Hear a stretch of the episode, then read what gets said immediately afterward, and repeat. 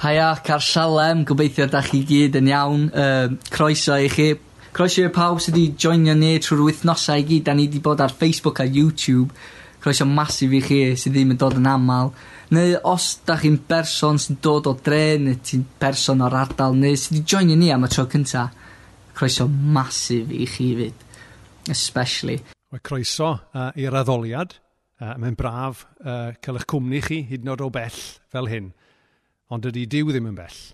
Dyn ni'n dod i'w bresenoldeb e, a dyn ni'n dod i bresenoldeb un sydd yn caru ni ac yn derbyn ni fel y gyryda ni yn enw Iesu. So dewch i ni ddod ato fe bore yma efo'n bywydau'r agor yn ei geisio fe.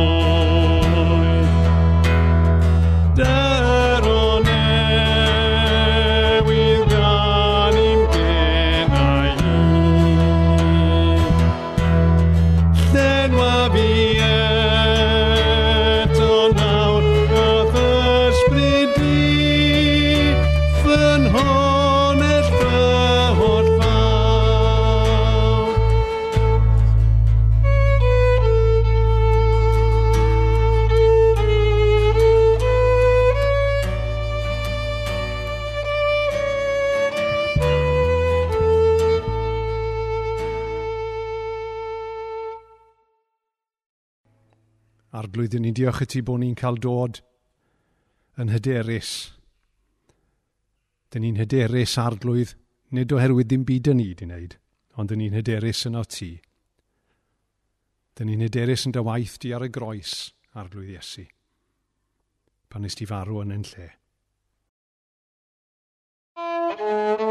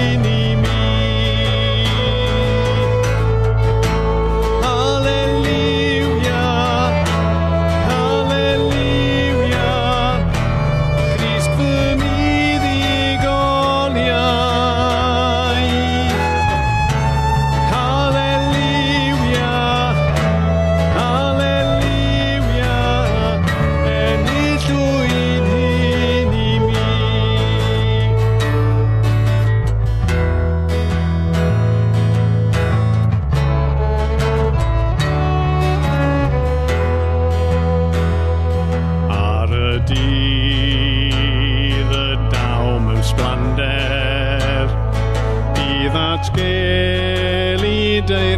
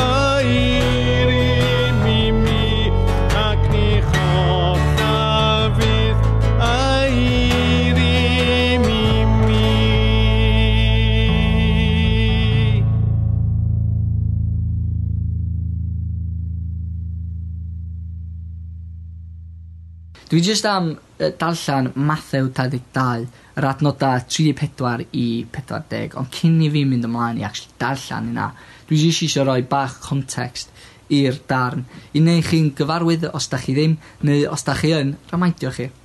So mae yna person un person, a mae yna dau set o bobl. yr un person yna ydy Iesu Grist a mae dau set o bobl yna ydy Phariseaid a Saduceaid a mae, mae y dau set o bobl yn pobl sydd wedi creu rhyw fath o system a mae rhyw foi 'ma Iesu Grist wedi dod allan yn unlla a 'di bod yn dechrau uh, tarnisio y system ma' nhw wedi creu y hierarchy lle mae pobl 'ma yn benefitio dros y pobl yr ardal yn yr amser yna.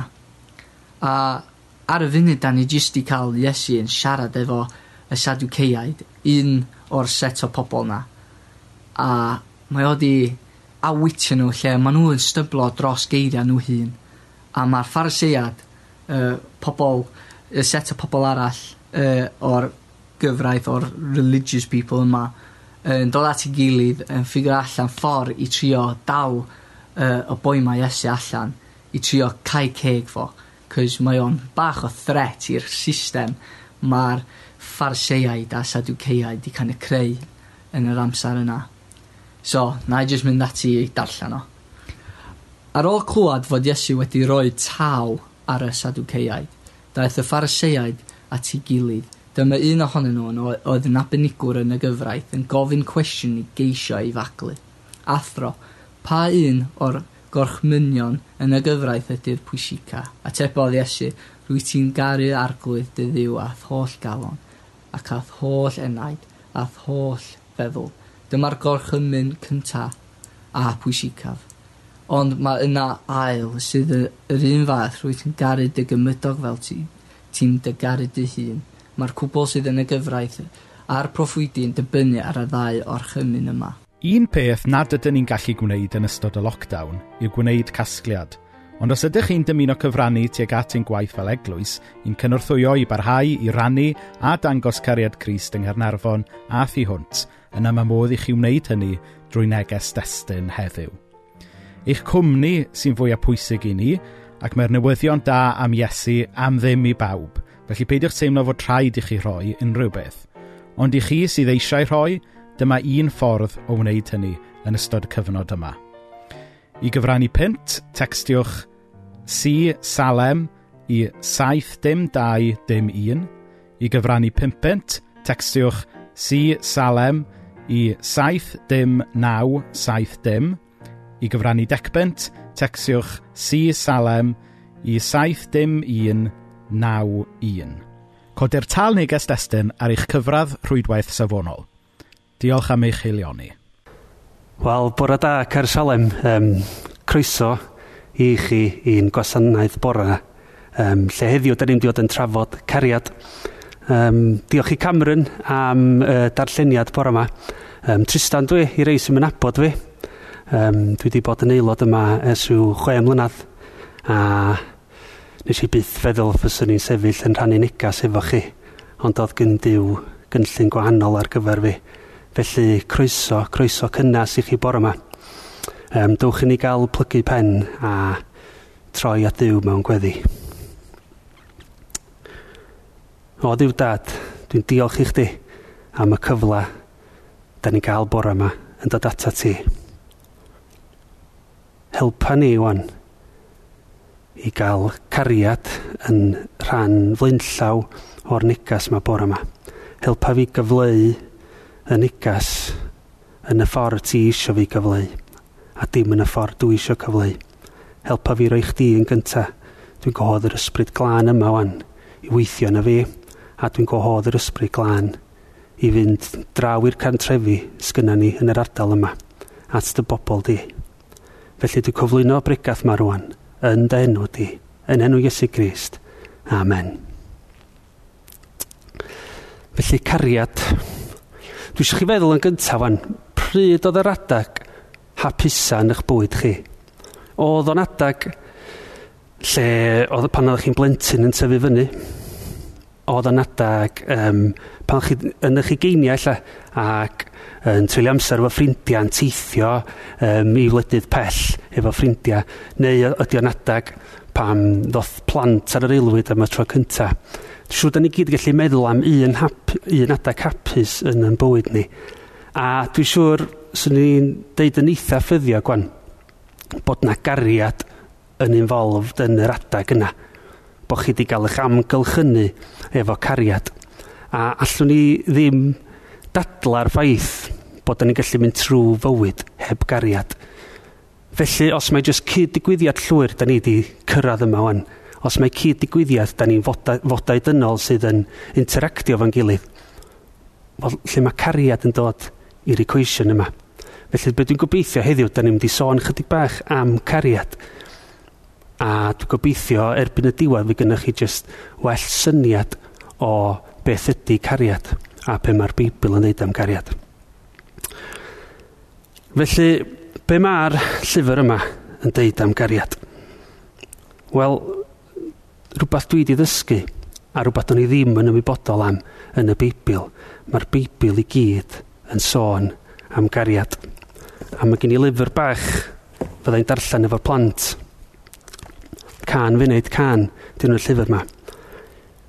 A mae'n deud yn y llyfr yma, pa eiriau mae Dyw am i chi ei trysori'n ddofn yn eich calona. Cofiwch fod yn dda, rhaid gwella, mae angen mwy o ymdrech, A dyna'r geiriau sgrifennodd Dyw yn y Beibl i'n achub a'n rhyddau ni? Na ci. Dim ond dangos be na allwn ni wneud mae'r geiriau ni. Mae Dyw am i ni gofio'r pedair gair bach. Rwy'n dy garu di. A dyna bedy'r llyfr yma. Mae o'n gasgliad o lyfrau a llythyrau i gyd am gariad. Felly dewch i ni gael edrych ar y cariad yma rwan. Yn Gymraeg, dim ond un gair sydd gynna ni i gyfleu cariad, sef cariad ei hun.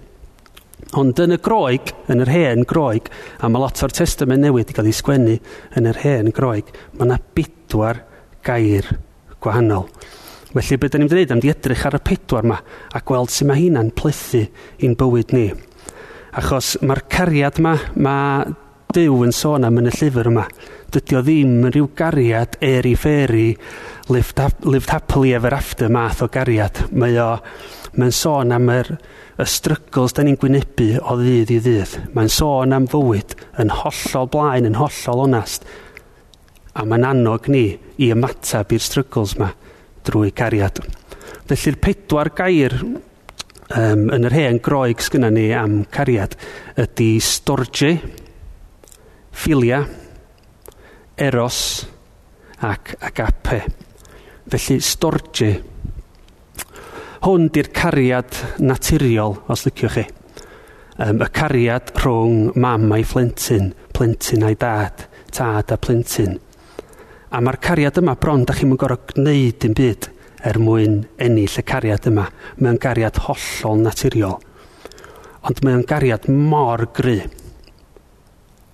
Mis awst dwytha, ddaru na ddyn foddi um, y morth y gest yn trio achub i fab o di mynd i'r môr. A mi o'n digwydd bob rha. Mae yna, deil, mae yna rieni yn enwedig tada mi eith nhw risgio i bywyd hyn a wedyn colli bywyd er mwyn y plentyn. Mae o'n gariad mor, mor gry a mae o'n gariad naturiol. Pa mae babi'n gael ei enni, diolch yn, cymryd eiliadau i'r babi na ddallt be ydy'r cariad yma. Mae'r babi na angen cariad. Yn yr eiliadau cyntaf mae'r babi na angen cariad. A mae'n gwybod pa mae'n gael i cariad. Nath Forrest Gump ddeud um, yn ei ffilm, I may not be a clever man, but I know what love is. Um, symud ymlaen wedyn i'r ail math o cariad wan, y ffilia sef y cariad at ffrind. A fel arfer efo'r cariad yma, um, da ni'n dewis yn ffrindiau ni. So di o ddim mor naturiol illa a uh, storchi, ond da ni'n dewis yn pobl da ni yn cymysgu, pobl sy'n debyg i ni. Ac yn, yn, yr, yn yr hen oesoedd, oedd y cariad yma yn cael ei roed uwchlaw y cariad naturiol um, o'n i sôn am yn gynt, achos mae'r cariad yma yn gallu fod yn hynod o gry hefyd. Um, rhywbeth lle allai relatio di o, um, pan o'n i chwarae rygbi a bod yn, yr atmosffer yna yn y changing room cyn y gêm neu'n sicr ar ôl gêm a pan ydych chi'n cael gêm galad lle ydych chi rili really wedi gorau gweithio a ti'n teimlo bod y bond yna a bron sa'ch di'n dallan ar gair rygbi a sa'ch di'n neud rhywbeth dros y criw sydd yn y bond yna, sydd yn y cilch yna. Mae, o, mae hwnna yn, yn eto yn gariad cry iawn. Um, eros wedyn, um, hwn di'r cariad rhamantaidd a ella hwn, da ni pan da ni'n meddwl am gariad hwn ydy'r un tradiadol, da ni yn meddwl amdan sef bod mewn cariad, a mae'r cariad yma yn, yn, yn gariad sy'n tyfu'n gryfach drwy drwg ar da, a chi'n gofyn i ryw um, bar priod eiddfed iddo ni. Um, maen nhw wedi mynd trwy, mae'n siŵr, bethau anodd yn eu bwyta, a mae'r ffaith bod nhw'n gallu aros efo'i gilydd. Um, achos dydio eto ddim yn gariad naturiol na di ond bod nhw'n gallu aros efo'i gilydd trwy'r drwg ar da mae'r cariad yna'n tyfu. Ac felly da ni'n dod at agape. Rwan hwn ydy'r cariad perffaith. Mae'r tri cariad arall mae gynnaf ei flaws. Ond hwn di'r cariad perffaith. A dyma lle mae'n um, darlluniad ni'n dod o heddiw. Lle mae uh, phariseiaid yn trio dal Iesu allan. Rwy'n cofio chi phariseiaid oedd yr experts, y twrneiod. Nhw oedd yn dallt be oedd y rheola ar gyfer cyrraedd Dyw. Ond mae Iesu trympio nhw'n di. Mae'n trympio nhw gyda'i atab yma. So os ni'n troi nôl at Matthew 22, be mae'n dweud. Rwy ti garu'r arglwydd dy ddiw ath holl galon, ath holl enaid ac all holl feddwl. Y calon yn teimlada ni, ffordd da ni'n teimlo. Yr enaid, sef, da ni'n mynd i fod ni fywyd ysbrydol pan da ni'n sôn am enaid. Ac y meddwl. A dim ond nath Iesu gadw'r un ola yna special i'r phariseiaid, yr experts ar y feddwl. Be oedd yn ei meddyliau nhw? A i ryw fath o lefel, ryw fath o criteria er mwyn cyrraedd Dyw. Na ci, cariad ydy'r criteria ar gyfer cyrraedd Dyw. Pan oedd Dyw greu'r byd nôl yn Genesis, da ni'n dysgu am hyn. O Dyw di creu'r byd. Wel, cyn i fo greu y byd hyd yn oed. O Dyw yn dyw Ar ben ei hun. A meddyliwch chi am yr egni yma o gariad. A mae, um, ma rhai pobl yn dadla fo'r Big Bang, wel dwi wedi clywed ymateb i'r Big Bang. Big Bang oedd y cariad yma yn gorlifo. Os mae'n deud yn Genesis bod y cariad Dew wedi dod allan. So meddyliwch chi am, am yr egni o gariad. Dim byd arall, jyst yr egni o gariad a wedyn mae o'n ffrwydro a mae o'n creu yn byd ni. Ac allan o gariad mae'n creu bob dim yn y byd ni. A'r peth ola un mae'n creu wedyn ydy mae o'n creu ni, mae'n creu chdi. Felly, mae'r egni mae rwan, mae dal yma. Where is the love? Mae Black Eyed Peas yn canu.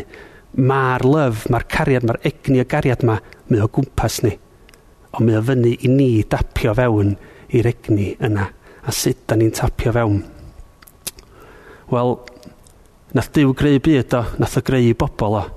Ond be oedd o'n gweld wedyn a be da ni ddysgu yn y Beibl ydy bod pobl sy'n troi cefna ar y ddiw a maen nhw'n mynd i ffori hunan. Rwan, da ni wedi bod mewn cyfnod, da ni dal mewn cyfnod um, o lockdown, lle da ni dod allan yno fo. Ond sgwrn ni faint ohono chi nath dorri rheol bach efo'r lockdown. Dwi'n gwybod nes i dorri amball i reol bach pam, achos o'n i'n meddwl, dwi gwybod y well na i wneud hyn, gai wneud hyn, mae hyn yn iawn. A dyna di'n hanes ni trwy'r um, trw, Beibl i gyd. Dyna di hanes pobl trwy'r Beibl. Maen nhw'n meddwl, maen nhw'n gwybod y well. A fel yda ni yn anffodus. Ond be mae Iesu'n dweud i garu Dyw gyda holl galon, holl unaid ac holl feddwl. Ac i'n helpu ni i wneud hyn, mae gennym ni'r ysbryd glân a mae'r ysbryd glân jyst yn helpu ni i wneud yn siŵr fod y tri peth yma yn llawn cariad a pan da ni'n deffro'n bora mae hwnna di'r peth cyntaf da ni'n meddwl am ac hwnna di'n reaction cyntaf ni sef reaction at gariad.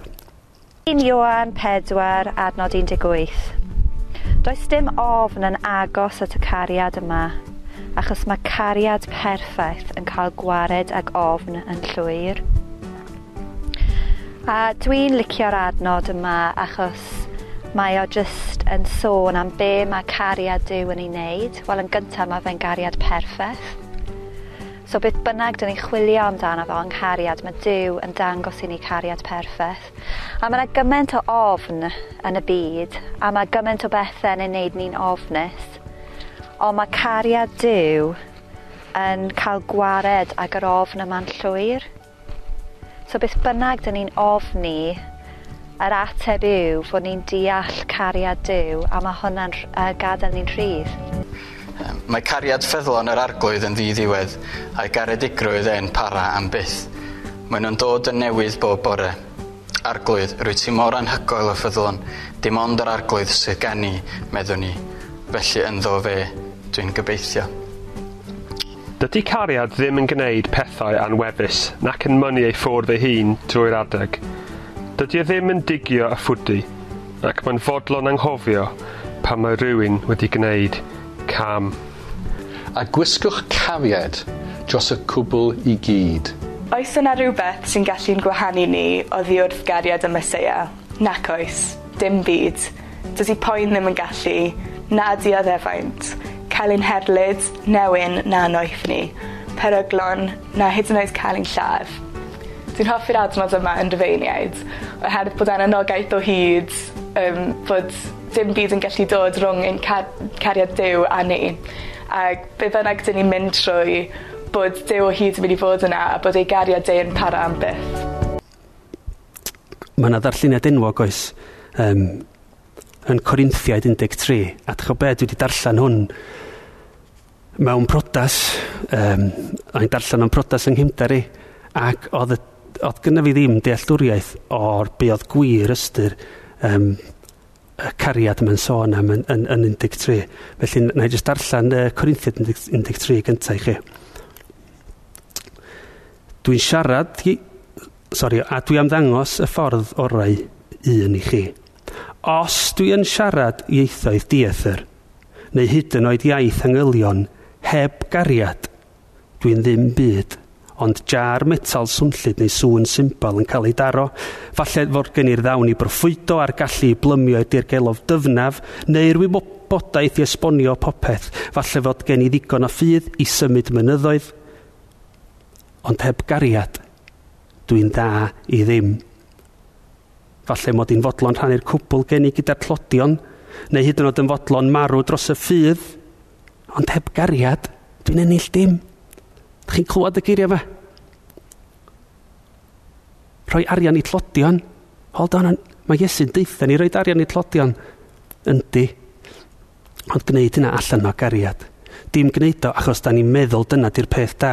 Os yw'r perig ydy wedyn pan da chi'n neud o os da chi'n meddwl mae dyma di'r peth da.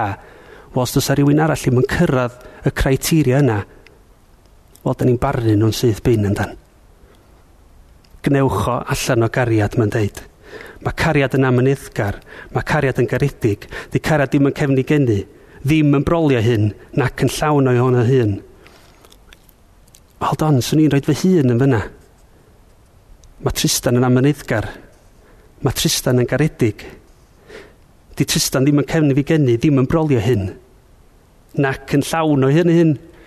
Wel, dwi wedi methu ar bob un o hynna achos di'r cariad yma yn sôn am cariad rhwng ffrind. Diolch yn sôn am cariad gyda perthynas yn y teulu. Diolch yn sôn am cariad gyda cymar.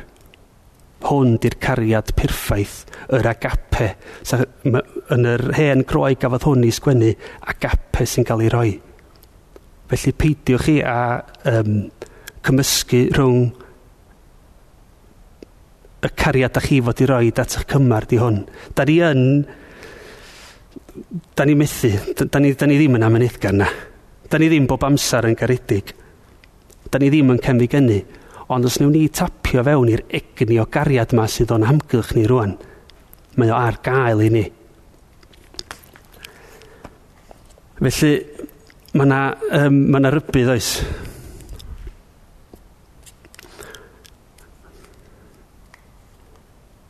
os da ni ddim yn neud yn siŵr bod cariad yn cymryd rhan flinllaw yn yn calon ni, yn yn unnaid ni, yn yn meddyliau ni. Mae yna le i bethau eraill drigo na. A da ni'n gwybod mae cysineb, hunanoldeb, balchder, cenfigen, mae hyn i gyd yn gallu trigo yn bob un ohono ni nath y digwyddiad na yn Ben y Groes. Um, illa just highlightio highlightio hyn i ni gyd. Da ni'n meddwl am ryw broblema mawr yn bell i ffwr ond mae casineb yn gallu dod i'n calona ni gyd. Dim ots pwy ydych chi dim ots lle ydych chi. Ond y newyddion da ydy mae Iesu Grist trwy'r ysbryd glân yn gallu dod ac agwarad o hynna. Achos pan mae o'n llenwi, dos a ddim lle i ddim byd arall. Oedd y fam Teresa'n deud, If you judge,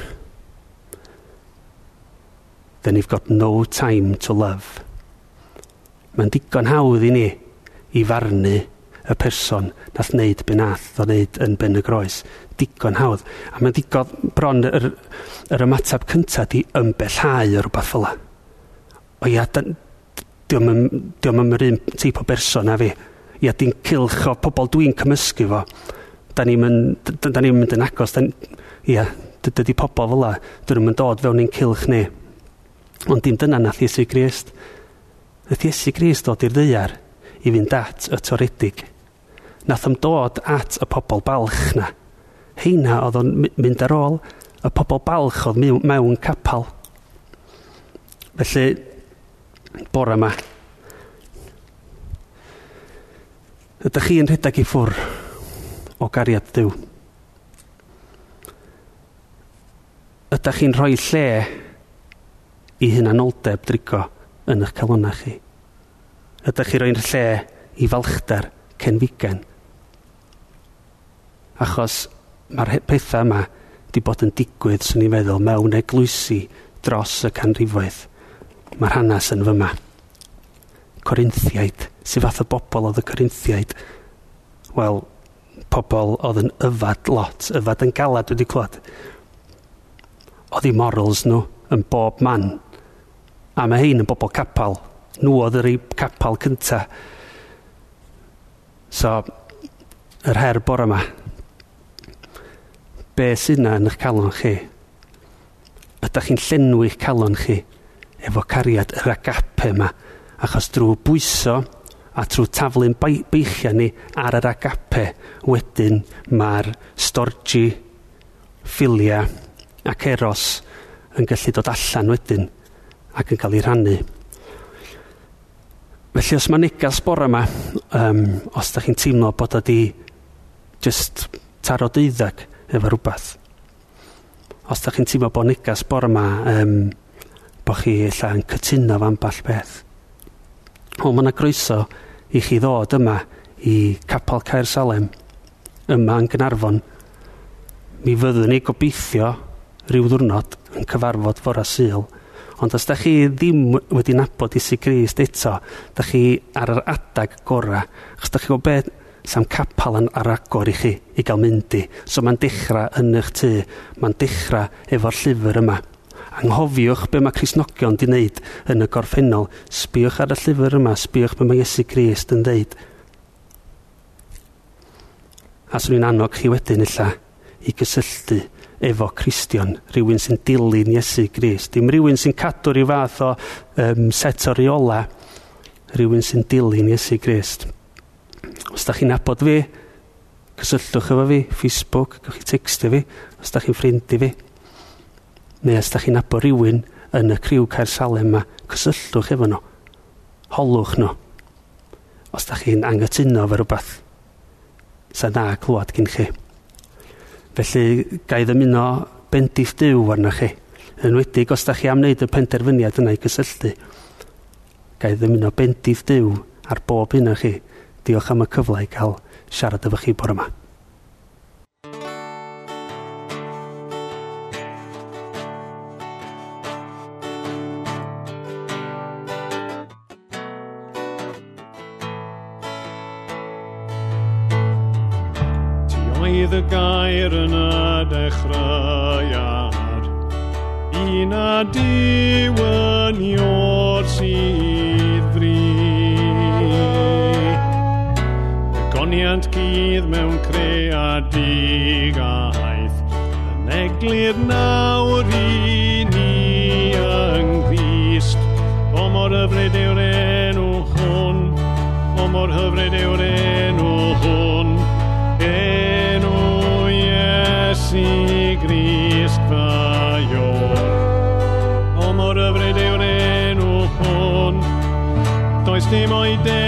gef Ond o'r hyfryd yw'r enw hwn Enw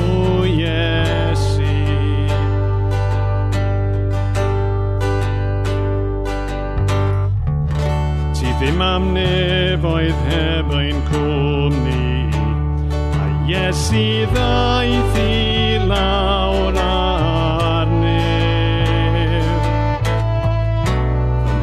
gyb dy gariad cryfach. Ste mae'r